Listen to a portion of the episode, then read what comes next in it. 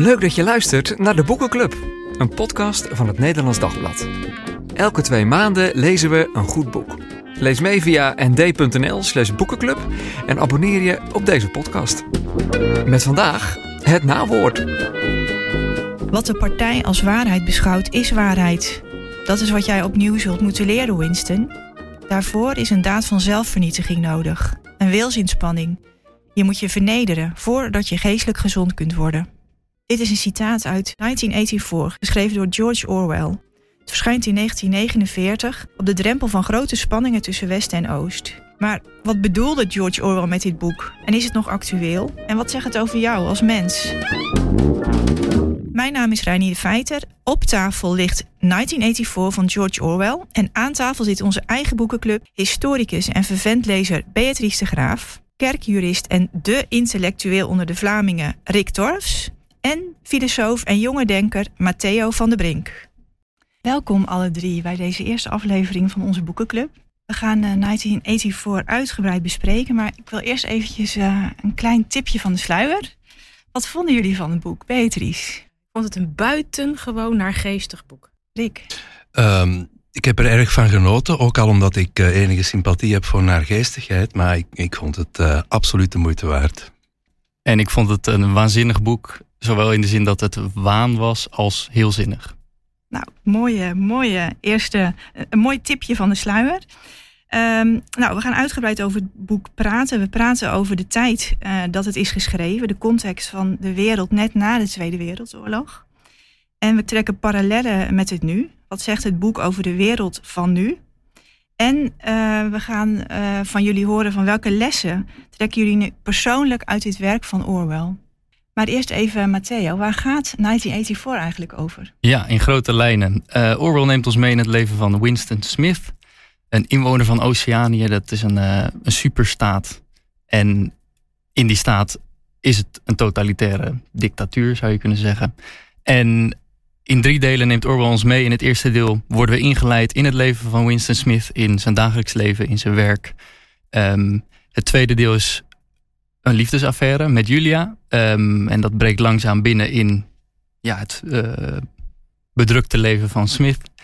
En in het derde deel moet hij dat met martelingen bekopen. En het eindigt op het punt dat hij um, ja, door de partij, de partij die alles voor het zeggen heeft, in de naam van Big Brother, grote broer, um, ja, dat hij uh, bekeerd is. En uh, ja, je blijft achter met het beklemmende gevoel van hij heeft toch zijn strijd opgegeven waar hij in het begin nog heel strijdlustig is. Ja, we zijn dus geschreven uh, net na de Tweede Wereldoorlog, 1949, door George Orwell. Beatrice, wie, wie is George Orwell? Ja, George Orwell is een man die jong gestorven is, 47. Heeft helemaal niet zo lang geleefd. Heeft enorme impact gehad al bij zijn leven. Uh, aan het eind van zijn leven, toen hij dus Animal Farm schreef in 45. Daarmee is hij al heel beroemd geworden. En dit is zijn laatste boek. Dit is uh, kort uitgekomen voor zijn dood. En waarom heeft hij dit nou geschreven? Nou, hij is opgegroeid eigenlijk als kind van een goede middenklasse in Engeland, maar in India. Dus zijn vader was een koloniale ambtenaar. Uh, George, zo heette hij eigenlijk niet. Hij heette Eric Blair. Dus George Orwell is zijn latere pseudoniem zoals wij hem kennen. Maar hij is gewoon als Erik in de familie Blair opgegroeid. Kon goed leren. Uh, is ook naar de Eton school gegaan. Dat is een ja, prestigieuze kostschool waar je echt wordt klaargestoomd voor een hoger beroep. Alleen toen hadden zijn ouders geen geld meer en besloten om toch weer terug te gaan naar uh, het koloniale rijk. En toen is hij een politieman geworden. Heeft ook het koloniale bestuur als lid van de politie gediend in het ook neerknuppelen en neerslaan van opstandelingen in Burma. Nou, daar kreeg hij het op een gegeven moment ook genoeg van. Hij had ook slechte gezondheid. Dus is hij teruggegaan naar Engeland en toen besloot hij schrijver te worden. Er zit ook een duistere kant aan zijn persoonlijkheid, maar misschien moeten we dat straks belichten. Een goede cliffhanger. En die tijd hè, waarin dat boek uh, is geschreven, wat kom je daar al lezend van tegen? Hoe herken je die tijd in, dit, in, dit, uh, in deze roman? Ja, dat, dat, dat vind ik wel heel erg sterk van de roman. Hè. Dus aan de ene kant is hij echt op het kruispunt van die grote ontwikkelingen. Je zei het al, van net na de oorlog, de Koude Oorlog 1949 geschreven. Tegelijkertijd resoneert het ook heel erg met nu. Maar het is goed om even te beginnen wanneer dat boek is ontstaan. Uh, Eric Blair was zelf een socialist, aanhanger van Labour. Geen communist, maar socialist. Hij is zelf naar de Spaanse burgeroorlog afgereisd mm -hmm. om daar te gaan helpen. De, te strijden tegen de fascisten. Dus hij heeft fascisme aan de lijve ondervonden.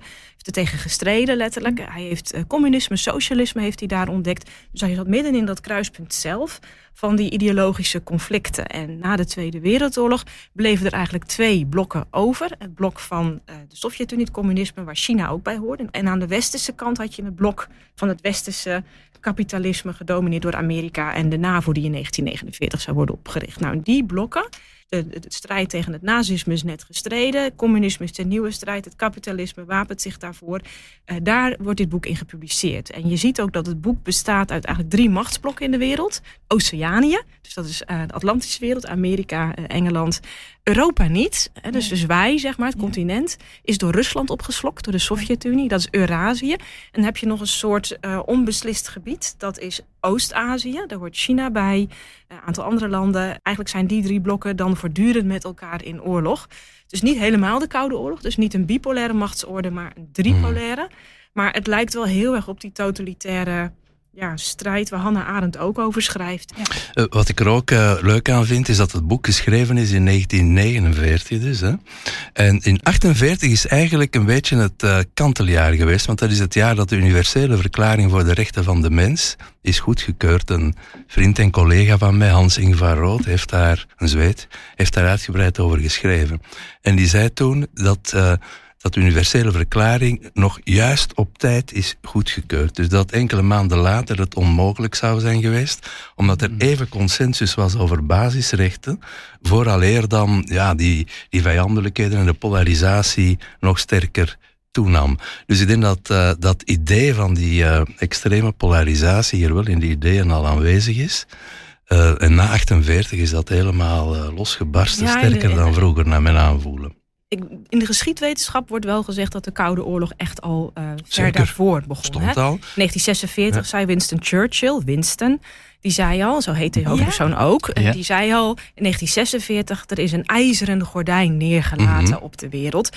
Dus het idee dat er twee blokken tegenover elkaar kwamen te staan, uh, de Koude Oorlog bestond al. De, dit is dus 48, 49, is eigenlijk dat het zich uitkristalliseert in institutionele blokken. Dus in 1949, 48 ook de NAVO opgericht, dan iets later het Warschau-pact. Duits, de beide Duitslanden worden opgericht. Dus dan wordt al die grens zo getrokken.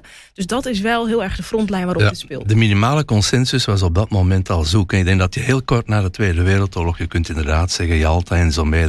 Maar heel kort na de Tweede Wereldoorlog was er nog die wil om een gezamenlijke verklaring te maken. En even later kan dat niet meer. Ik vind het altijd spannend hoe het soms een kwestie van maanden kan zijn in, in momenten waarop uh, heel veel beweegt.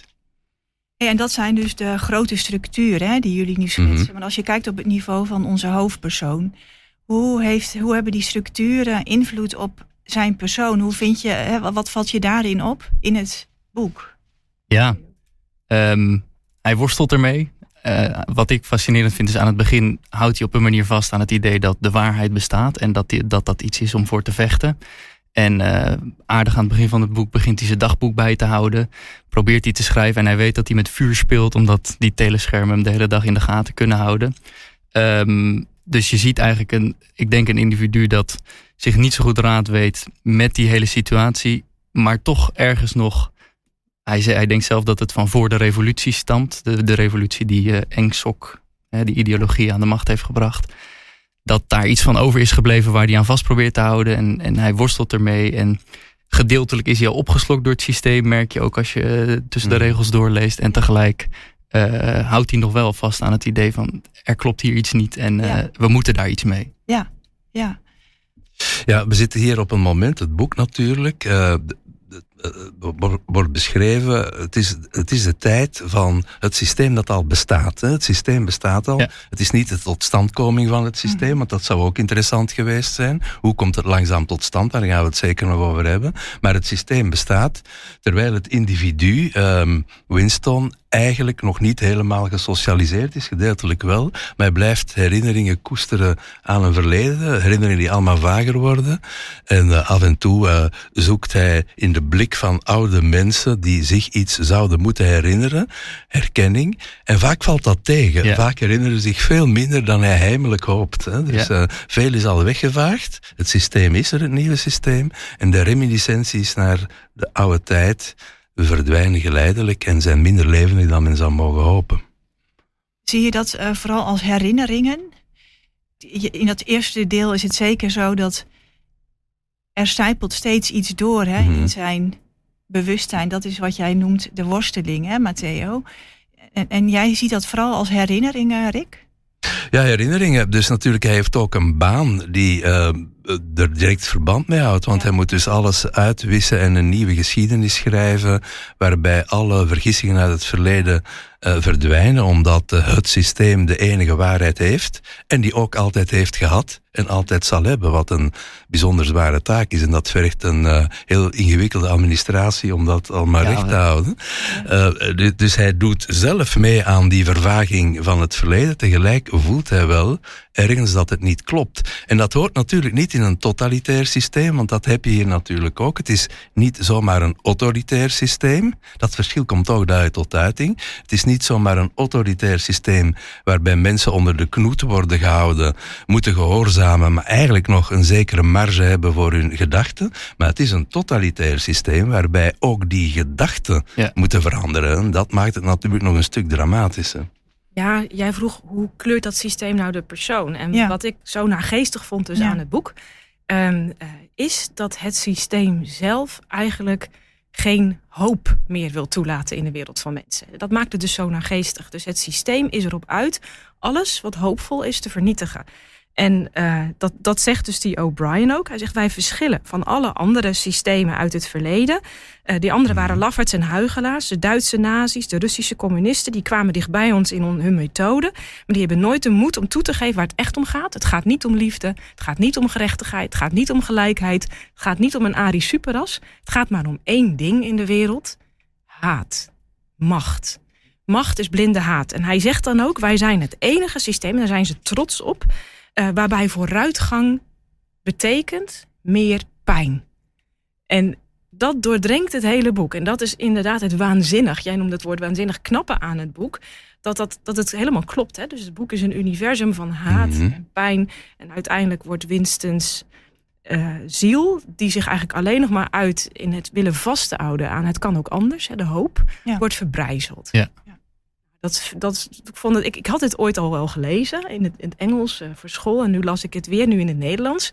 En ehm, ja, ik werd er wel een beetje door vermorzeld door dit Ja. boek. Ik vond het echt heel erg naar om te lezen. Ja, mooi om straks nog over door te praten. Of dat ook inderdaad is wat gebeurt. Of het echt wordt verbrijzeld. En je dus eigenlijk met lege handen achterblijft. Of dat er misschien toch nog hoop in te vinden is. We gaan al een beetje kijken naar eh, wat, wat, wat zegt dat nu over de mens, over eh, ons, over nu.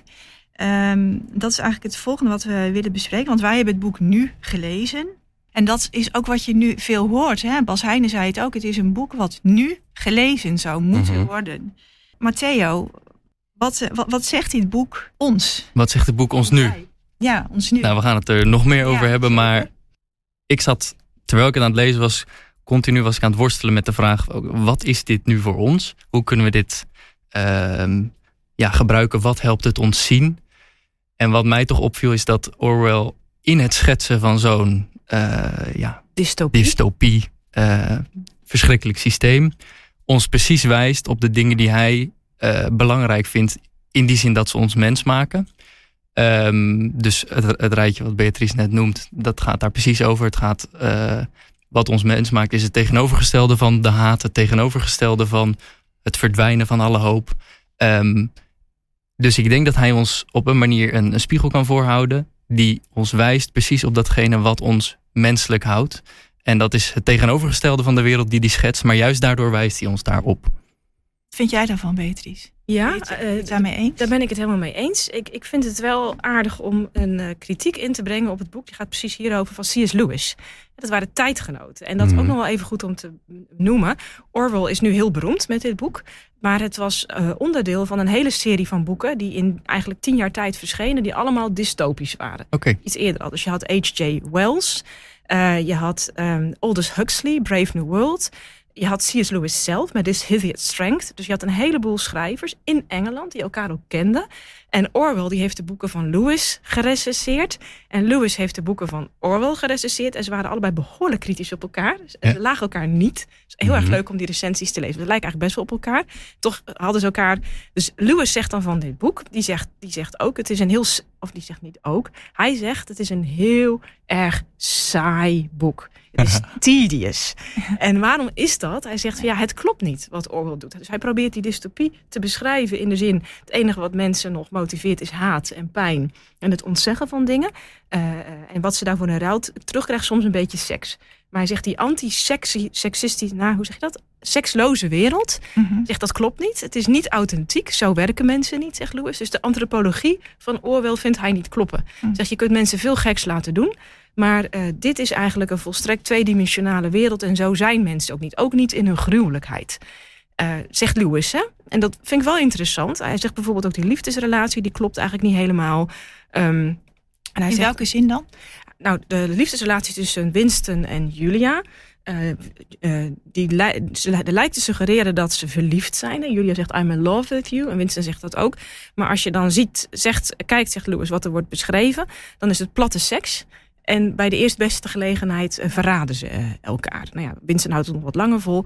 En Lewis zegt, voor de rest eh, wordt er eigenlijk alleen maar over seks gepraat in termen dat de mensen frigide zijn en dat seks afgeschaft gaat worden.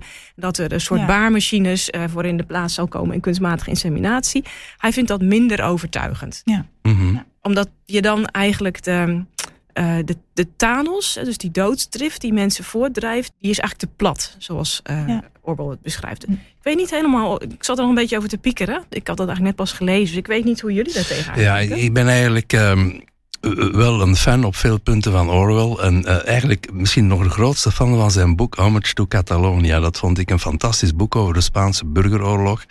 Eh, waar allerlei mensen die min of meer communisten zijn, er toch in slagen het verschil zo te zien dat ze elkaar uitmoorden. Dus eh, ze hebben allemaal het beste ideaal en degene die het tweede beste ideaal heeft, moet helaas sterven. Dat beschrijft hij prachtig. Ik ben er ook van overtuigd dat zijn ervaringen in de, in de Spaanse burgeroorlog Mhm. ook hebben bijgedragen tot dit wat troosteloze mensbeeld. Tegelijk eh, zie ik hier eh, twee dingen in die ik eh, positief vind en waar ik eh, misschien op een van de punten verschil ik van C.S. Lewis met, van mening dan. Het eerste punt is, ik vind dat ehm, Winston het bij zijn folteringen en in, in die context betrekkelijk lang volhoudt. Zeker. En dat bewonder ik zeer. Uiteindelijk gaat hij door de knieën, hij verraadt Julia, eh, hij, hij wordt zelf ook compleet gebrainwashed. Maar ik denk bij mezelf ongelooflijk hoe sterk je staat. En ik vraag me af wie vandaag die moed zou hebben in onze samenleving om zo ver te gaan. Nou ja, dat is Navalny. Ja, daar ja, moest ik ja, heel erg aan denken. Bijvoorbeeld, ja, dat, maar er zijn er weinig. Hè? Dus En, en die eh, is misschien ja. wel tot aan het eind eh, dapper gebleven. Zou best we weten, kunnen, We ja. weten niks over zijn laatste uur. Daar moest ik trouwens ook wel echt aan denken hoor. Ik denk Aan als je in het, het, eh, de eenzaamheid eh, de, van de pijn, Ja, op jezelf opge... zeker. volledige hopeloosheid van zo'n Ja, regime dat Ik alleen maar, ook gelijk aan. ja, Ja, alleen maar uit is op macht. Hè. Daar is Poetin op uit. Nou, dat uiteindelijk alleen maar macht. Daar deed me dit heel erg aan denken. en het tweede punt, eh, als eh, C.S. Lewis zegt dat het platte seks is, ik vind het eigenlijk wel best erotisch. Eh, ik, ik vind, eh, ik, ik was verblijd door die erotische momenten tussen alle goorheid van het verhaal. En natuurlijk is het ook een vorm van, van seks die enorm defensief is en je moet goed uitkijken wat je doet en zo meer. Maar ik, ik vind het... eh, qua erotische scènes iets dat mij aangrijpt. Ik vind dat heel mooi. Veel meer dan ik het vaak in de hedendaagse literatuur zie. En ook die idee om de liefde te tonen in een soort lichamelijkheid zonder veel woorden, omdat er eigenlijk geen enkele ruimte voor is, treft mij wel. En eh, ze komen toch terug. Hè? Eh, ze, ze, ze zeggen niet veel en ze vallen in slaap bij de grote conversaties. Vooral Julia doet dat. Maar er is een soort trouw, eh, een soort weerbarstige trouw in het beleven van een liefde die niet voluit kan worden beleefd, Ja. die ik eigenlijk mooi vind. Enfin, mij prikkelt dat erotisch, maar ik ben ook een ver- verdorven oudere man. Maar het, het zijn mij heel veel. ja, Ja. dus die trouw, ja. Ja, ik zou daar wel echt lijnrecht tegenin willen gaan. Ja, Om, eh, je zei het zelf nou als laatste, dat prikkelt jou. Ja. Ehm, mij volstrekt niet, omdat ik eerlijk gezegd ook met de kennis die we hebben van die duistere kant van Orwell's persoonlijkheid, ik Mhm. het een zeer misogyne beschrijving vind. Dat doordrenkt dit boek. Het is buitengewoon misogyne. De enige helden zijn mannen. En Julia is eigenlijk geen held. Zij is een object. Zij is een soort pop waarop hij zijn behoefte doet. En ze zegt het ook zelf. Hè. Het enige wat ik wil, zegt ze, is seks. Eh, hoeveel mannen heb je gehad? Nou, honderden. Uh, en meer hoef ik ook helemaal niet. Ze is ook heel dom. Ze wil helemaal niet praten over wat hen drijft of wat de ideeën zijn. Ze geeft zich blindelings aan hem over. Echt een soort willoos uh, werktuig van hem. Ze is ook degene die als eerste toegeeft. En ook de hele manier waarop vrouwen worden beschreven en seks. Ze hebben geen persoonlijkheid. Ze zijn frigide. Ze zijn dikke merries. Uh, ze zijn uh, uitgebluste wezentjes. Zijn eigen moeder verdwijnt in een soort diep gat, hè, die verraadt hij. Ja. En Julia, ja, die is dan misschien nobel in de manier waarop hij zijn seks beleeft. Maar voor haar krijg je eigenlijk nauwelijks respect of iets. is heel plat. En als je kijkt, moet dit punt echt even ja. afmaken. Want dit raakt ook aan hè, hoe de schrijver zelf in het leven ja. stond. Ook ja. over het mensbeeld, het vrouwbeeld uit die tijd. Orwell zelf, heeft hij ook over geschreven, had uh, grote moeite met vrouwen. Aan de ene kant liet hij zich door vrouwen onderhouden. Uh, dus, dus toen hij terugkwam uit Burma, toen had hij geen baan. Heeft hij zich door tantes, door vriendinnen, door nichten laten onderhouden. Hij heeft eigenlijk nooit, pas tot Animal Farm, heeft hij geld verdiend met zijn boeken. En zijn eigen vrouw, Elaine O'Shaughnessy, die heeft altijd de kost verdiend. Uh, en maar vorig jaar een biografie. Er is een biografie over verschenen van Anna Funder. En uh, daarvoor ook al een ander verhaal. En nou blijkt, en dat moeten we dan toch wel onthullen, dat is de manier waarop hij vrouwen beschrijft, hij objectiveert ze, hij drukt ze weg uit het boek. Ze hebben eigenlijk geen nobele handelingsmogelijkheid. Uh, en in zijn leven ook, hè, ze mogen hem supporten. Maar die, zijn eigen vrouw, Eline, die heeft een lang gedicht geschreven over 1984 al een paar jaar daarvoor. Zij had in Oxford Engels gestudeerd, hij niet. En zij heeft al die beelden over de technologische brainwashing, de telescreens, heeft zij al in dat gedicht gestopt. Vervolgens mag ze hem steunen. Als je het hebt over de Engelse burgeroorlog, jij beschrijft dat, dat boek Catalonië en het is zo nobel en dit en dat. Zij was degene die de echte held was. Zij heeft hem gered, zij regelde de paspoorten, zij ging naar het front, zij heeft hem verpleegd.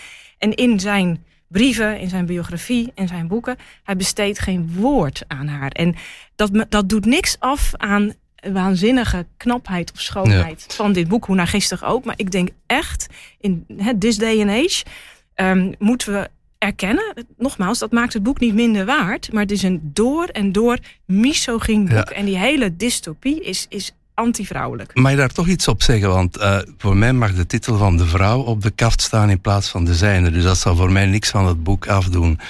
Uh, het is ook zo dat uh, hij zelf, hè, dus uh, Maar Winston, kun je daar eens op reageren wat, wat, ik zeg? Want je, nou, nou ga je er snel overheen. Nee, ik ga er niet overheen. Ik, ik, wil, het juist, ik wil juist over het, het vrouwelijke en man-vrouw praten. Dus Winston beschrijft zichzelf ook op een zeer kritische manier. Hè. Dus met zijn spataders, met zijn lelijkheid. Um, hij vindt dat hij enorm is achteruit gegaan, fysiek een grauwe man is geworden. Dus hij spaart zijn kritiek niet.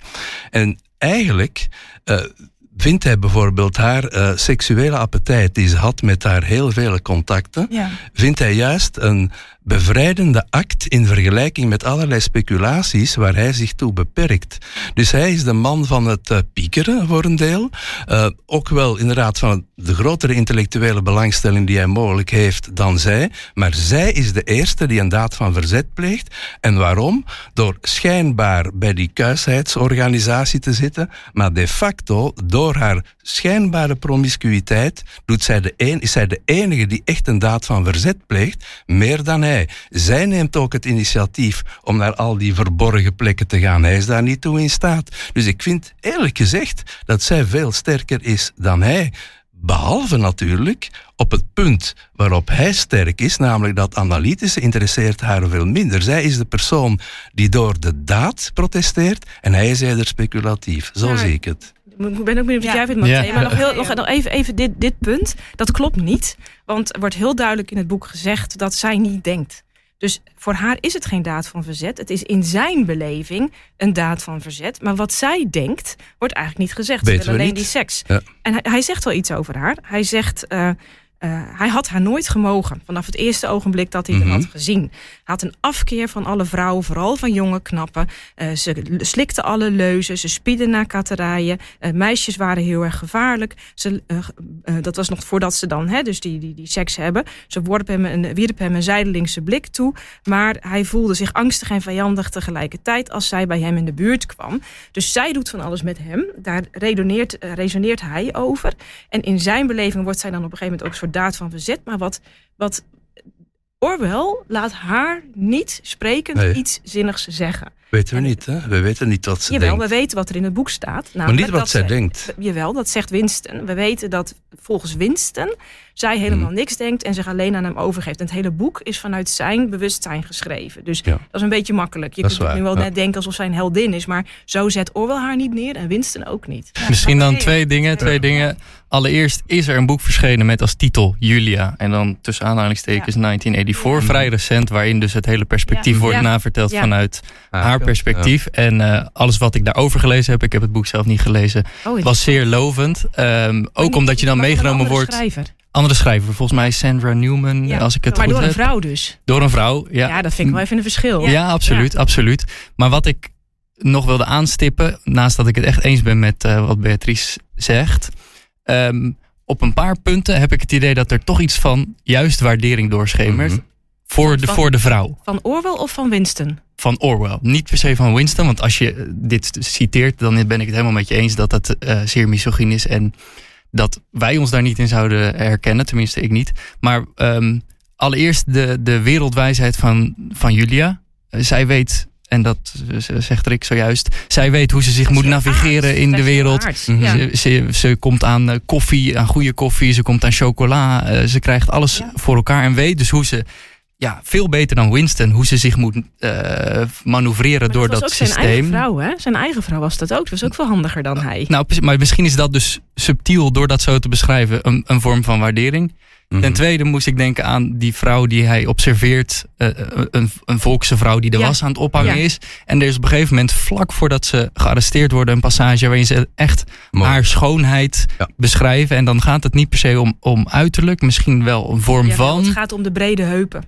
Jawel, dat beschrijft hij. Ze had een achterwerk als een dikke merrie. Ja. En ze was een 1 meter in omvang. Dat, dat zegt Winston. hè, En dat vindt hij Maar is dat Orwell of is dat Winston? Want ik heb het idee dat, dat Winston Orwell dat, dat in. Winstons eh, belevingswereld legt. Maar dat voor Orwell daar meer achter schuil gaat. Namelijk ook, zij is de hele tijd degene die gezongen heeft. Waar hij Ja. van genoten heeft. Ja, dat is heel mooi. Zij is degene die het gewone leven leeft waar Winston en Zeker. Julia constant aan het struggelen zijn. Vind je, dat En niet, als- vind je dat niet ook een objectivering van een soort volkse vrouw in haar woeste wulpse schoonheid met de brede heupen die heel veel Ja, vinden? ja. Ik vind dat eigenlijk eerlijk Maar, gezegd maar ook dan zijn, heel zitten we denk ik op het thema van, van wat is het socialisme van Orwell en, en wat is zijn hele beeld van de proles. Daar, daar kunnen we het over hebben, maar ik wilde nog één punt maken, namelijk helemaal aan het eind van het boek, als eigenlijk alle hoop verloren is, komt er nog één herinnering terug en dat is misschien wel de meest warme herinnering die hij heeft, namelijk aan zijn moeder. Ja. Ja, Dus in het al bijna helemaal verslagen zijn, volgens mij moet hij dan nog naar kamer 101 of het is net daarna, ehm, heeft hij die warme herinnering aan zijn moeder, eh, ge- geborgenheid, toch nog een vorm van Mhm. liefde in de hele verslagenheid. Waar in mijn optiek, eh, misschien is het veel te subtiel en eh, ben ik het met je eens dat hij de misogyne kant eh, veel verder elkaar, naar voren. eh, Het sluit elkaar niet uit. Hè? Kijk, Orwell, dat, dat zei ik net ook al. Hij heeft zijn hele leven lang zich met heel veel vrouwen omringd. Ja. En hij zocht ook die aandacht van vrouwen. En hij zocht ook hun support. En Ja. hij wilde ook bij ze zijn. Dus hij was niet anti-vrouw. Alleen, de, dus het is, het is subtieler. De Hm. manier waarop hij vrouwen ziet is hoe ze passen in, in, in, in de manier hoe ze hem moeten dienen. Ja. Ze moeten huizen voor hem zoeken, ze moeten voor hem werken. En hij relateert zich niet aan hoe zij zich voelen. Dus zijn moeder, die heeft hij de dood ingejaagd. Eerder in het Ja. boek beschrijft hij dat hij steeds het Ja. eten afpakte van zijn moeder en zijn zusje. Zodanig dat zijn moeder en zijn zusje dan uiteindelijk zelf verdwijnen om plaats te maken voor hem. Ja, en dan heeft hij aan het eind nog een mooie herinnering.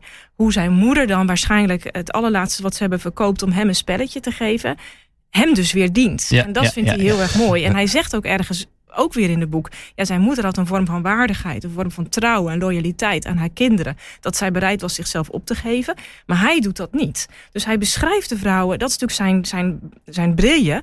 Hij, hij ziet heel goed wat er gebeurt, maar hij ziet het vanuit zijn, ja, toch zeer eh chauvinistische blik hoe vrouwen moeten zijn. Ja. Breed, dienend, wulps. Het Zijn, ze zijn En ook die, wel die Ja. geborgenheid, dus het gaat misschien iets dieper dan Ja. alleen maar oppervlakkig, maar toch dient dat hem. Ik zou er toch nog iets willen op zeggen. Want eh, ik denk om te beginnen, de volksvrouw met de brede heupen, of hoe, hoe het ook bes- beschrijft, is voor mij meer een symbool van het proletariaat in het algemeen. Niet Ja. zozeer van de vrouw, maar van het proletariaat dat eigenlijk niet klein te krijgen is eh, door het systeem dat wel erin slaagt om dus die middenklasse te vermorzelen van die randmensen. Dus dat is een eerste punt. Een tweede punt, de passage in het boek die mij het meest ontroert, is een passage die toch wordt uh, beschreven uh, door Winston. En dat is op het moment dat uiteindelijk hij de chocoladereep in zijn geheel grijpt. Ja. En dan zijn kleine zusje zich richt tot zijn moeder en die vastgrijpt en hij ineens voelt dat dat kind gaat sterven. Dat vind ik een machtige passage, mm. uitzonderlijk in de literatuur. Dat vind ik van een, van een diepgang waar je uiteindelijk je eigen slechtheid overstijgt, omdat de, de pijloze diepte van iets wat groter is dan je eigen verlangens, toch sterker wordt. Dat vind ik zo meesterlijk. En dat is met een vrouw en een kind, een klein meisje. En daarin stapt hij dus misschien ook wel over zichzelf heen en zijn eigen slechtheid. Ja, dat denk door ik dat, door dat te herkennen. dat aan. Ja. Nou, dat is dan jullie interpretatie. Het is een prachtige passage, uiteraard. Het is wereldliteratuur. Um, en hij laat daarin inderdaad de diepste afgrond van de menselijke hebzucht zien.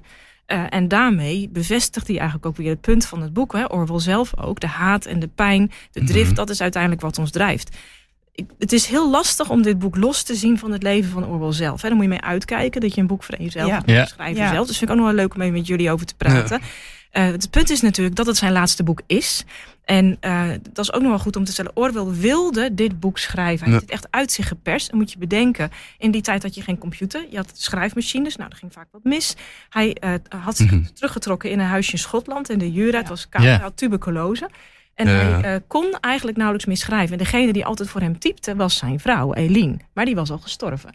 Dus hij moest het zelf doen. Toen vroeg hij nog aan zijn, aan zijn uh, uitgever, stuurde meisje om van mij te typen. Nou, dat, dat ging niet snel genoeg voor zijn dood. Mm Heeft hij zelf uh, met 4000 woorden per dag dit overgetypt. Hij heeft echt uit zich geperst. Dus het is in zoverre wel echt een soort nalatenschap, mm -hmm. een getuigenis van hoe hij naar de wereld keek. Uh, en dat is dus aan de ene kant hartverscheurend. Mm -hmm. dat, ik vond die passages ook mijn maag ja. om. De ergste passage vond ik niet het martelen. Ja. Maar precies wat jij beschrijft, mm -hmm. Rick. Hoe hij zijn moeder en zijn kleine zusje ja. verlogent. Dat is ja, echt een soort Titanic maar jij vindt juist eigenlijk dat daar dan ook een hoopvol moment ja, wel, in zit. Wat, wat ik omdat, daar, hij, omdat hem de, de spijt, het berouw... Hij heeft geen spijt en berouw. Hij, hij, hij herinnert het zich, maar hij heeft geen spijt en berouw. Maar, maar wat is spijt? Hij, voelt het... Dat hij dan wegloopt en dan voelt van hij laat, de, nou, aan hem. Hij laat, de chocolade, hij laat de chocolade smelten in zijn handen. alleen dat stukje van die, wat hij van Oké, alleen dat stukje. Maar, maar, maar, dat is eigenlijk, uh, ik vind dat uiteindelijk de echte spijt kan. Vandaag ligt hij heel vaak in, in het formeel spijt betuigen. Hè? Ja. En we leven in een tijd waarin we in een excuuscultuur leven en we zeggen we verontschuldigen ons voor dit en voor dat. Hier doet hij dat niet. Maar plotseling wordt hij geconfronteerd met de gruwelijke consequenties van zijn eigen vreedheid als hij die scène ziet met zijn kleinzusje en zijn moeder. En, en, en ja, zijn enige vorm van spijt is het laten smelten van een stukje chocola in zijn hand. En dat is iets dat voor mij echt door merg en been gaat. Ik Als vind beschrijving, maar hoezo kom je er dan bij om dat spijt? Het, het kan ook gewoon. Ja, dat, dat hij is voelde voor mij natuurlijk spijt. wel vroeg in. Ja. Ja, nee, je, voelt dat je, iets, je voelt dat je iets verkeerd doet. Maar spijt heb je als je op je schreden terug wil keren. Ja. Die hoef je niet persoonlijk te betuigen. Maar hij had iets later iets goed kunnen maken. Ja. En dat maar- heeft hij nooit Maar gedaan. is daar ruimte voor in deze wereld? Nee, Da- nee maar dat, kan is dus mijn punt. Maar, maar dat is dus ook waar ik dus een beetje over zat te denken. Is deze wereld ook Orwell? Ja. Eh, is dit gewoon een product waarvan hij iets van zich af heeft geschreven? Misschien wat jij suggereert, Rick, om hoop in mensen op te wekken? Eh, is het een waarschuwing met het idee, zo moet het niet? Ja, dat is wat, Ja. eh, wat eh, Matteo erin zag. Hè? Want zo kwamen we op dit punt. Ehm, en ik, ik denk dat dat is een mooi gesprek wat we hier nu over hebben gevoerd. Maar nog even, want eh, ik vroeg aan jou van wat moeten wij nu met dit boek? Hè? Wat zegt ons? Zeg je, dus Ja. uiteindelijk biedt het mij hoop. Ja. Omdat het laat zien van zo kan het worden. Laat het niet zo worden. Hè? Ja, nou, dus niet, het, het biedt niet per definitie hoop. Want als je dit leest, dan ben ik het de, de- ja, het gaat door merg en been. Maar het laat ons zien, eh, als we het hebben over die hoop. En dat gaat iets minder over spijt, maar vooral over hoop. ehm, dat die grondig uit een mens te slopen is. Ja. Maar tegelijk dat die ook gecultiveerd kan worden. In ieder geval, ik weet niet of Orwell zou zeggen dat die gecultiveerd kan worden. Maar hij wijst ons wel precies de punten aan. Dat laat hij O'Brien zeggen op een gegeven moment in een lijstje. We, we streven naar een wereld waarin geen verbanden tussen mensen zijn. Ja. eh, geen liefde, geen vriendschap, eh, niks aan. Kinderen aan hun ouders verraden. alles. Ehm, maar daarmee geeft hij ons volgens mij heel concreet een lijstje van de dingen die we moeten cultiveren om hoop te houden. Uh, dus het boek op zichzelf stemt absoluut niet hoopvol. Maar het laat ons wel zien hoe we vanuit die hoop kunnen leven. Een soort spiegel, hè? Eh, ex negativo moet je dus juist wel de menselijke waardigheid ja, Ja, ja, en wat ik interessant vind, ik hoor heel veel omheen de laatste tijd het verschil tussen optimisme en hoop. Uh, in het begin van het boek ja, trekt, beschrijft Orwell dat Winston een, een gezicht van kalm optimisme draagt. En dat doet hij omdat dat van hem verwacht wordt. In de randpartij en in de kernpartij moet je soort vlak optimistisch zijn. Tom Parsons heeft dat, hè? die buurman. Ja, ja. En, en alle types die gedijen in dat, in dat systeem zijn. Hij beschrijft het als een soort kevermannetjes die heel kalm, optimistisch. Uh, ja, het komt bijna Kafkaesk over op dat punt. Um, tegenover staat de hoop. Als er hoop uh, rest, dan is dat bij de proles. En daarin zit dus een, een contrast tussen ja, een soort. Uh, hoe zou je het zeggen? verhaal van optimisme, wat oppervlakkig is en wat ja, geen, geen hoop brengt, maar juist een soort verderf. Tegenover een, een wereld van hoop, waarin mensen ja, op een manier proberen te manoeuvreren door het systeem wat er ligt, maar toch proberen te hopen. Um, dus dus dat, dat, dat verschil resoneerde met wat ik vandaag de dag om me heen hoor. Mm -hmm. wat, wat ik wel nog wel um, uh, fascineert, ook wel beangstigend vind, het lijkt wel alsof uh, aan het eind van het boek Orwell zelf worstelt met de vraag: maar waar ontleen je dan die hoop aan? Ja. ja als wij ons bewustzijn zijn, de geestesgesteldheid van de nou. heersende klasse kan ons helemaal brainwashen. Uh, en als je, als je dus als macht geest is, als macht het bewustzijn is, waar haal je dan nog van buiten die macht de bronnen vandaan van de hoop? En um, die zijn er dus eigenlijk niet. Want hij haalt het uit de liefde voor Julia, of de seks hoe je het wilt noemen. En dat wordt uitgeroeid. Hij haalt het uit zijn angst. En die angst wordt bijna een soort van kalt gesteld. Doordat hij aan het eind wel met zijn grote angst wordt geconfronteerd. Dus eigenlijk zegt Orwell, wat kan je nou nog ja. tegen macht in stelling brengen... Ja als alles wat waardig, wat waar is, vernietigd kan worden. Mm. En wat ik zelf, uh, wat mij nog wel opviel, in dit boek uh, bestaat er ook geen God meer. En hij speelt er ook een paar keer. Ja, absoluut. Ja. Ergens gaat Winston dan per ongeluk, herhaalt hij een leus van de partij, dan noemt hij toch het woord God. En een andere vriend van hem, die wordt uh, vastgezet en martel, gemarteld omdat hij het woord God heeft laten ja. staan. In een gedicht. En alle kerken zijn verdwenen. Die zijn allemaal ja, omgevormd tot andere doeleinden. Dus God, genade, vergeving, mm. al dat soort woorden zijn uit de cultuur gesloopt. Nou was Orwell zelf ook echt iemand die daar niks van moest weten. Dus het was ook een atheïst. Um, dus de vraag is, wist hij zelf nog uiteindelijk, de schrijver Orwell waar hij zijn hoop uit kan putten. Ja, en dat, dat is dus wel een vraag. Als jij zegt het is een spiegel, die houdt ons voor. Waar we dan wel hoop uithalen. Wat, hoe zien jullie dat dan? Waar haalt hij dan de hoop Ik denk eigenlijk, uh, om te beginnen is het een heel slim boek. Hè? Dus uh, Orwell is een verstandig man, wat uh, uitzonderlijk is, zeker heden ten dagen voor romanschrijvers. Mij is dat in ieder geval wel. en het verstand ligt er ook in dat hij ongelooflijk veel ruimte laat voor de lezer om zelf te zoeken tussen alle tristessen waar ergens hoop kan zijn voor mij zit er hoop tot het uh, voorlaatste bijna. Want uiteindelijk heeft uh, Julia heeft, uh, Winston verraden en Winston heeft Julia verraden. Een bijna symbolisch verraad is het in zekere mhm. zin. In het geval van Winston met die ratten laat hij eerder aan Julia klagen dan aan mij. Dat is eigenlijk een soort symbolisch iets dat geen directe consequenties heeft. Maar dat is het ultieme verraad waar hij toch voor kiest. Ze zeggen van elkaar dat ze elkaar verraden hebben. Maar waar volgens mij dan de hoop wordt afgenomen, is dat ze de totalitaire gedachten ook interioriseren. En dat is voor mij de les, dat moet je vermijden. Je kunt zelfs elkaar een bepaald moment verraden, wederzijds. Maar als dat zelfs niet meer wordt erkend als iets ergs, en als je dat ziet in een grotere context van brainwashing, dan is het heel moeilijk. Maar alleen dat vind ik het moment waarop in zekere zin de, dood, eh, de, de deur gesloten is. Maar als je dat kan vermijden, dat het zo ver gaat. Maar waar moet je dat dan uit in de wereld van dit boek, in de wereld van ja, Orwell? En waar haal je dan dat eikpunt uit waarin je nog de menselijke waardigheid kunt meten of de hoop kunt eiken? Ik, voor mij houdt het op op het ogenblik dat je zelf je verzet staakt tegen het totalitaire en dat je je eigen gedachten niet meer toelaat. Dat is voor mij het eindpunt. Alles wat daarvoor komt, alle scènes die daarvoor komen, bevatten tekenen van hoop. De hoop die bijvoorbeeld... Hoop is dus autonomie. Uh, geestelijke autonomie. Ja, geestelijke autonomie en ergens lichtpunten zien. Uh, kanten om, om de zaken te keren Maar- en te veranderen, die hij systeem- zelfs bij O'Brien ziet, ten onrechte. Maar het systeem kan dat dus uitschakelen. Het systeem, Ja. en jij, jij zegt nou, op het moment dat wij de hoop staken.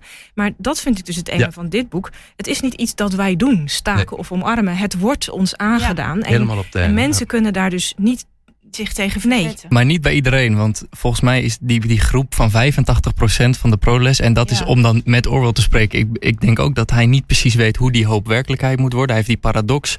Eh, ze weten pas hoe krachtig ze zijn als ze de macht hebben. En totdat ze de macht hebben, weten ze niet hoe krachtig ze zijn. Mhm. Maar ergens gaan zij helemaal nooit mee in dat systeem. Het is ook helemaal niet het doel van de partij om hen eh, te, te brainwashen. Ze moeten gewoon verder gaan met wat ze, met wat ze doen. En het deed mij denken aan het onderscheid tussen ondiep geloof en ondiep ongeloof.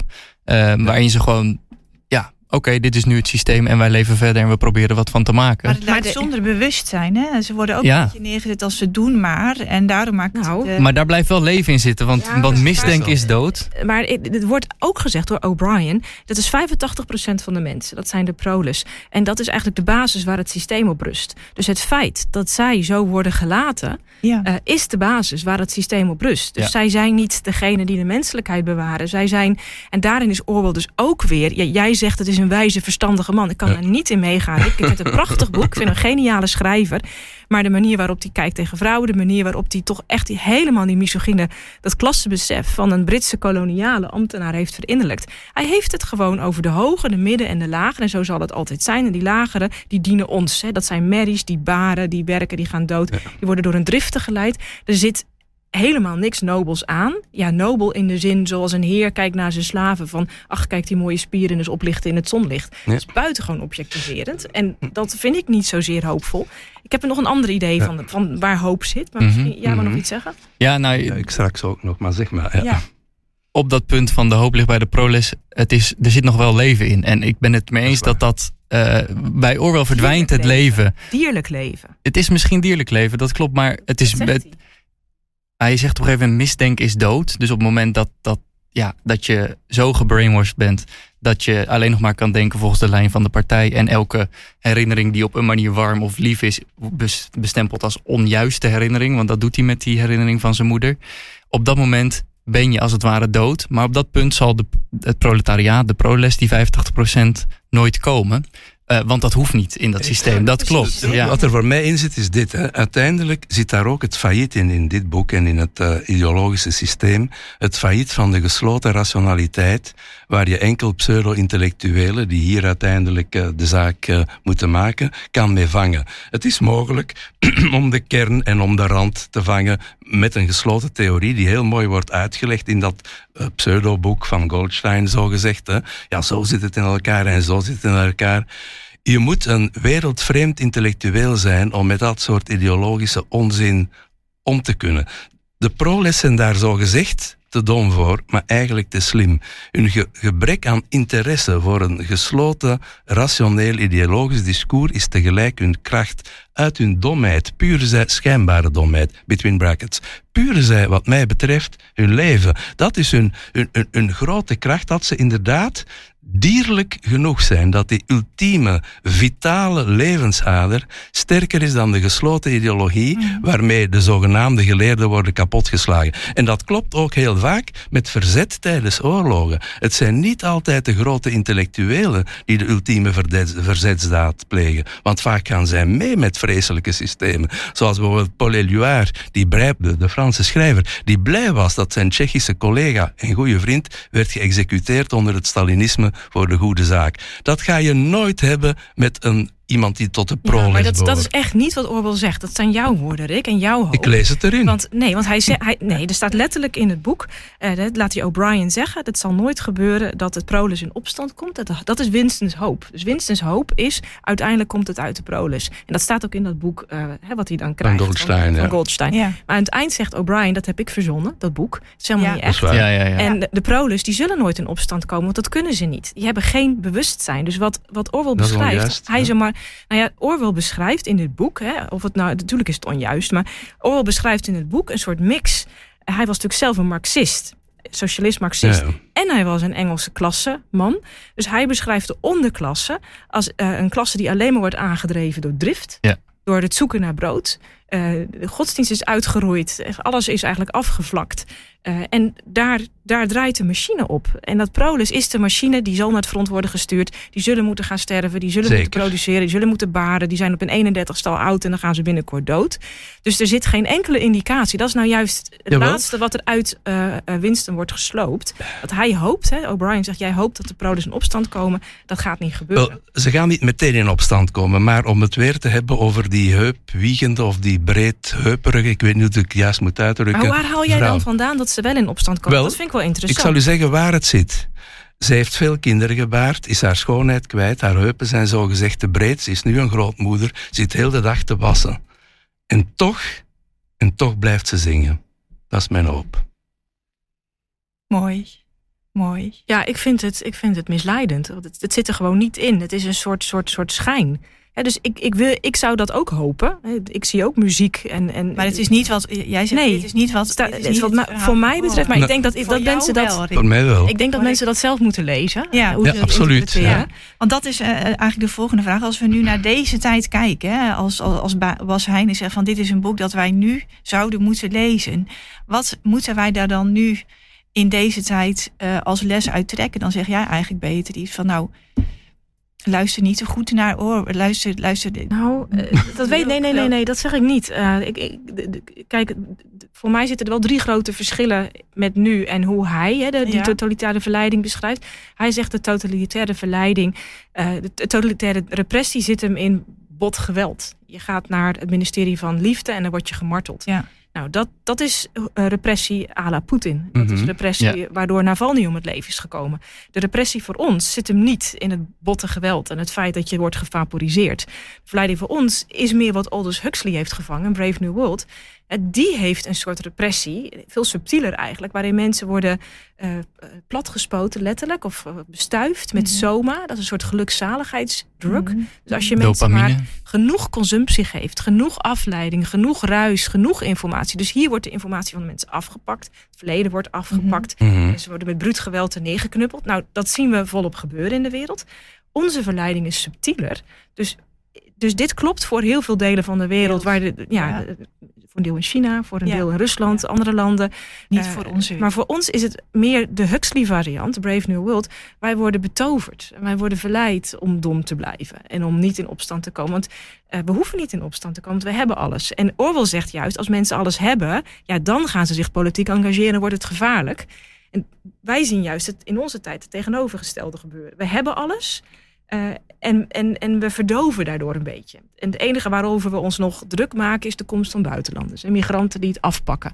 Dus ik had wel eens willen weten wat Orwell daarvan zou vinden. Tegelijkertijd wat hij allemaal voorspelt. Hè? De verificator, dat, dat de geest uit de literatuur verdwijnt. Dat er alleen nog Mhm. maar bureaucratisch of plat vermaak overblijft. Daar zijn we Liedjes- ChatGPT, hij voorspelt ChatGPT. Ja, ja, Dus ja. dat, is wel, dat vond ik wel kenmerkend. En dat mensen dus heel erg worden, kunnen worden gemotiveerd door haat. Als je denkt, je moet mensen eh, betoveren met liefde.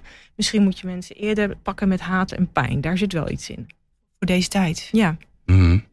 Ehm, ik ben het met Beatrice eens dat we natuurlijk niet in de situatie zitten van een totalitair systeem Ja. eh, dat hier al aanwezig is van bij het begin. Hè. Eh, maar natuurlijk zie je ook in het boek eh, wegen om het tot stand te zien komen. Bijvoorbeeld, eh één punt wat ik super interessant vind, is de wijze waarop mensen gebrainwashed wordt. En dan denk ik vaak aan wat we vandaag vaak te horen krijgen, ook in kwaliteitsmedia. Dit is voortschrijdend inzicht, wordt heel vaak gezegd. We gaan vooruit, we hebben voortschrijdend inzicht. En dan vraag ik me soms af, is dat wel zo? Of is dat een subtiele brainwashing waarin we bepaalde nuances ja, maar Ja. Achter, achter ons laat. Dus de gedachte, ik ben altijd doodsbang voor de gedachte voortschrijdend inzicht, alsof we ook niet achteruit kunnen gaan in ons inzicht. Dus in die zin zou dat brainwashing kunnen zijn. En dan een tweede ding, en ik weet dat ik nu iets ga zeggen wat niet politiek correct is, maar wat, mij ook, wat ik ook interessant je, vond. je, je gnuift er alvast een beetje bij. Ja, dat, maar dat, zo, zo ben ik als, als bejaarde seksist. Maar wat, wat ik, wat Fijn ik, dat zegt. wat ik een, een interessant punt vond is, op een gegeven moment in die theorie van Goldstein, hè, wordt er eigenlijk gezegd, we zouden er kunnen voor zorgen dat iedereen wel genoeg had om Ja, van te leven. Maar als we dat doen, Nou, dat wordt ons systeem gedestabiliseerd, dus we moeten schaarste creëren aan de hand van oorlog. En soms denk ik vandaag, en ik weet dat het niet hoort wat ik nu zeg, dat een extreme visie over klimaatpolitiek ook zo tot een schaarste beginsel kan leiden, waardoor je inderdaad het materieel minder moet doen en een nieuw soort discussie terug begint. Dus in feite. En dat vind jij misleiding of dat vind je juist goed? Ik vind dat niet goed. Ik vind het misleiding wanneer het als een massief blok naar voren wordt oh gebracht. Bijvoorbeeld oorlog kan ook soms noodzakelijk zijn. In mijn jeugd was iedereen pacifist, maar nu zit iedereen te zeggen hoeveel kogels we aan Oekraïne kunnen geven. Dus de dingen veranderen wel, maar het verabsoluteren van een concept, of het nu oorlog is of klimaat, en dat zijn twee totaal andere dingen, zijn twee zaken die kunnen leiden tot het tot stand brengen van een gevoel van schaarste, waardoor manipulatieve personen een grotere rol kunnen spelen. Dat vind ik interessant. Dat is nu een detail in het geheel, maar dat zijn de kleine dingen die wij ook uit dit boek moeten halen, omdat natuurlijk die grote dingen, ja, dat is goed voor Poetin, maar wij leven niet onder Poetin. Dat bedoel ik ermee. Ja, en als, ik, als ik om me heen kijk, dan uh, onder studenten, onder leeftijdsgenoten, dan kan dat zowel leiden, dit inzicht, tot verzet. Want ergens lees ik tussen, of hoor ik tussen de regels door, we zouden ons daartegen moeten verzetten. Ja. En tegelijkertijd kan het ook juist meer zo'n absoluut verhaal zijn wat dat verzet inspireert. Mm -hmm. ook. Hoe zouden we daarmee om moeten gaan? Ik ben wel benieuwd. Sorry, wat bedoel je? Hoe kan het dan leiden tot een verhaal dat verzet inspireert? Wat bedoel je? In het geval van klimaat, stel dat je, dat je het ermee eens bent dat dat een, een groter absoluut verhaal is. Nou, we, hebben, we zien genoeg klimaatdemonstraties om ons heen die zich verzetten tegen uh, de manier waarop de economie is ingericht mhm. en hoe, het, uh, hoe mhm. alles draait op fossiele brandstof tegelijk zit daar heel veel zelfbewustzijn in van we vechten tegen, op een manier tegen een systeem waarin dat fossiele, eh, de fossiele economie ja, zo ingebakken zit dat dat eigenlijk het absolute systeem is en we moeten ons daartegen verzetten. dus, dus ik ben benieuwd hoe je daar uh, wat, hoe je dat moet. Wat, wat, voor mij de enige oplossing is, en dat besef ik des te meer wanneer ik zo'n boek lees, ja het pluralisme kan niet groot genoeg zijn. Okay. Praat met iedereen, ook met rare mensen, ook met flat earthers. Die vergissen zich wat mij betreft. Ik denk persoonlijk niet dat de aarde vlak is. Hè? Maar misschien hebben die mensen over andere dingen wel een positief idee. Dus mijn idee is, sluit niemand uit. Ook niet om een vergissing die men maakt op één punt. Misschien hebben ze op andere punten goede ideeën. De enige garantie, denk ik, om uiteindelijk niet in een gesloten wereld te verzeilen, is om ook rare ideeën een kans te geven. Door het gesprek kun je mensen misschien overtuigen dat ze verkeerd zijn. En misschien heel uitzonderlijk blijken die rare ideeën ook waar te zijn. Maar dat is.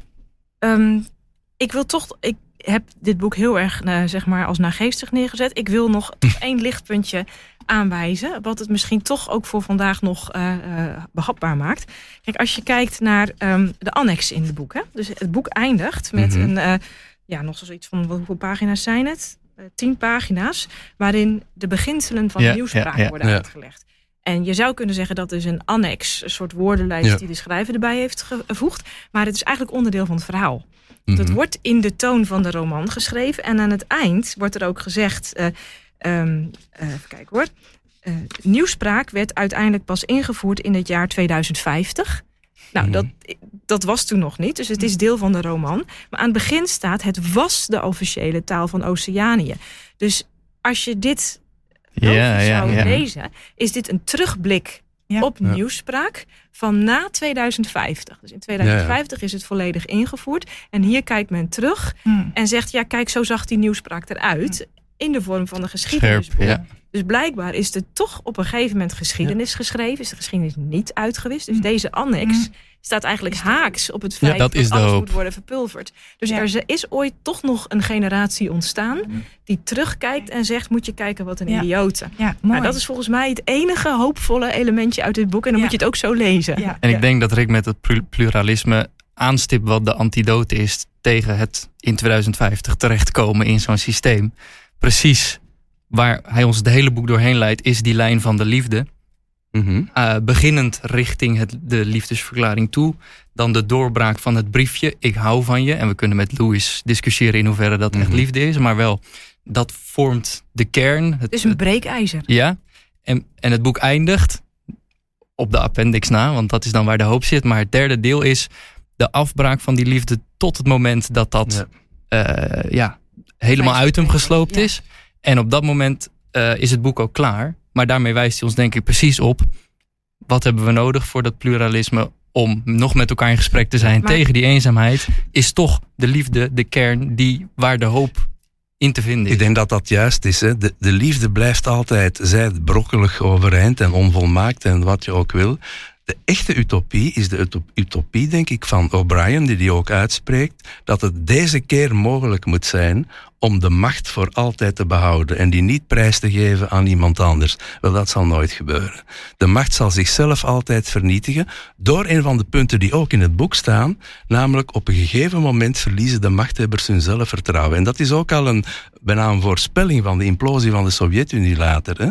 Opeens blijkt dat ze zelf niet meer geloven waar ze mee bezig zijn. Dus de gedachte dat je macht eeuwenlang voor altijd kunt handhaven, is de meest absurde utopie van het geheel. Als vanuit een soort vogelperspectief is dat mooi gezegd, maar je zult er maar middenin zitten. Dat is en iets dat zal anders. je maar gradueel overkomen en je zult maar langzaam in die fuik getrokken Dat worden. is iets anders. En dan is de vraag, maar dat is wel natuurlijk het cruciale. Want hè, je kunt vanuit twee, na 2050 terugblikken. Mhm. En wij kunnen als historici terugblikken op Stalin. We kunnen terugblikken op Hitler. Misschien kunnen we ook ooit terugblikken op Poetin, op Trump. En zeggen, jongen, jongen, jongen, want dat waren nog eens tijden. Poe, poe, nou zeg. Maar hoe houd je als het je overkomt? Als je erdoor wordt overspoeld? Mhm. Als je een Navalny bent?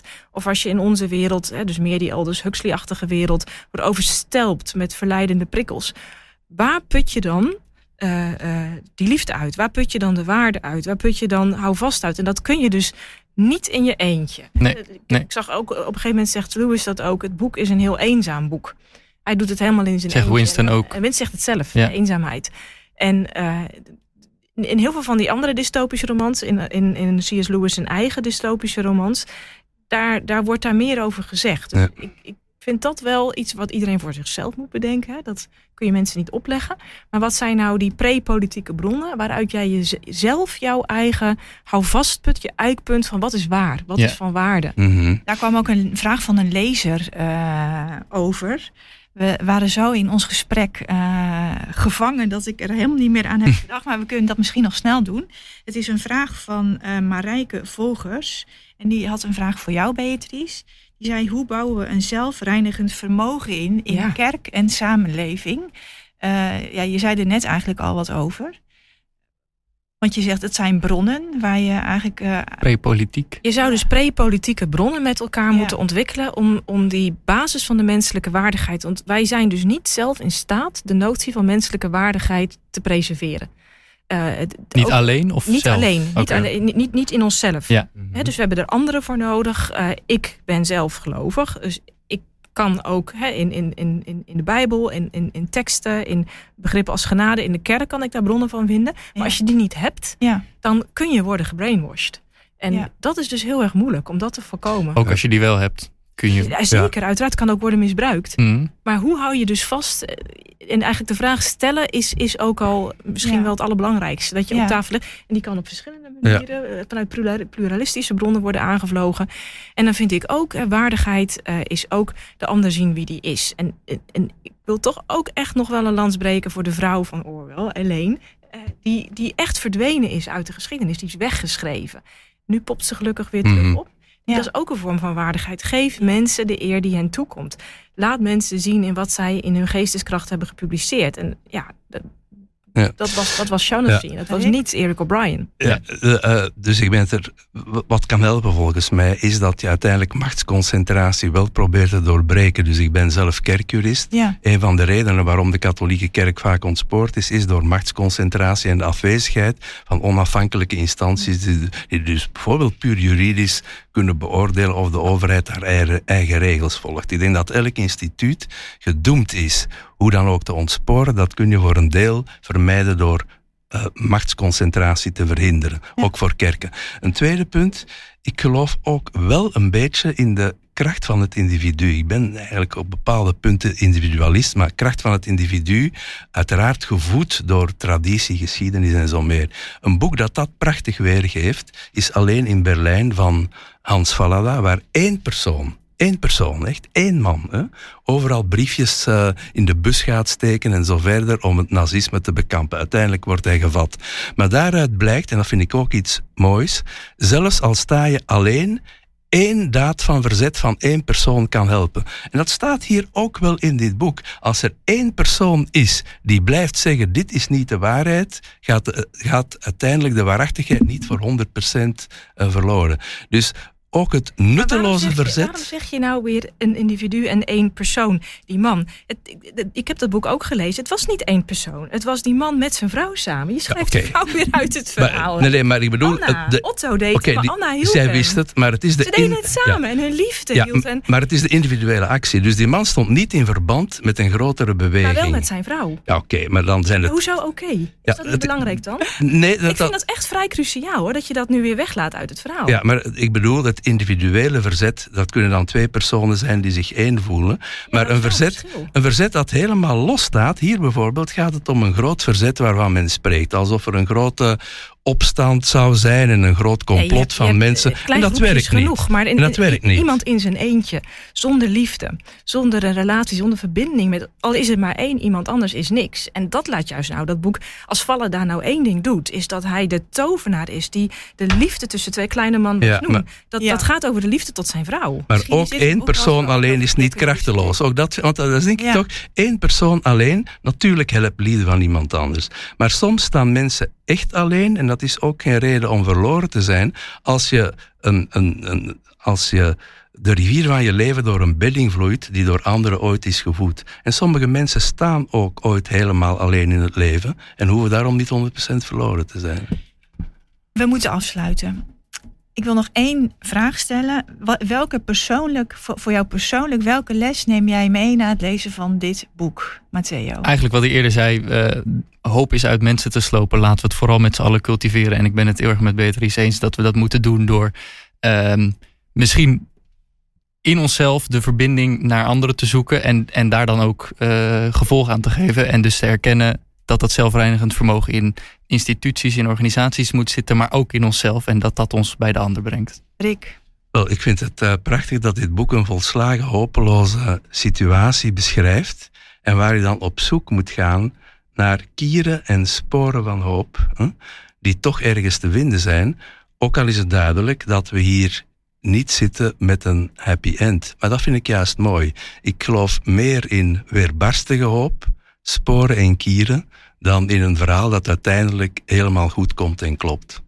Beatrice. Ja, voor mij is natuurlijk de grote les van dit boek dat je de geschiedschrijvers ja. eren en waarderen. Ja, en dat nog uh, lang over kunnen praten. Ja, en dat uh, als er nou één ding een indicatie is voor dat het misgaat met de wereld, als we geen respect meer hebben hoe het verleden echt was. Ja. Uh, dus sta je niet blind op vooruitgang. Alles moet alles nieuw, beter, anders. kijk terug naar het verleden en, en, kijk waar je vandaan komt en hoe rijk dat was. Ja. Tot zover 1984. Dank aan ons boekenpanel.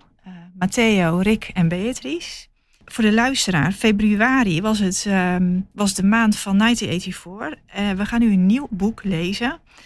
En uh, dat is Gilead van Marilyn Robinson. Ken jij het, Rick? Ik heb het nooit gelezen, maar dus eindelijk lees ik nog eens een boek dan. Heb je er zin in? Tuurlijk. Absoluut, ik ken het ook nog niet, dus zin in. Beatrice. Ik vind het fantastisch. Ja. Het is een van mijn lievelingsboeken. Ja, dat gaan we deze maand lezen. Uh, begin maart staat een nieuwe aflevering voor u klaar, luisteraar. Uh, daarin ga ik in gesprek met Hanneke Ouwekerk over het werk van Marilyn Robinson. Ik hoop dat u thuis ook weer meeleest. Abonneer op deze podcast en mis niets van onze boekenclub. Tot dan.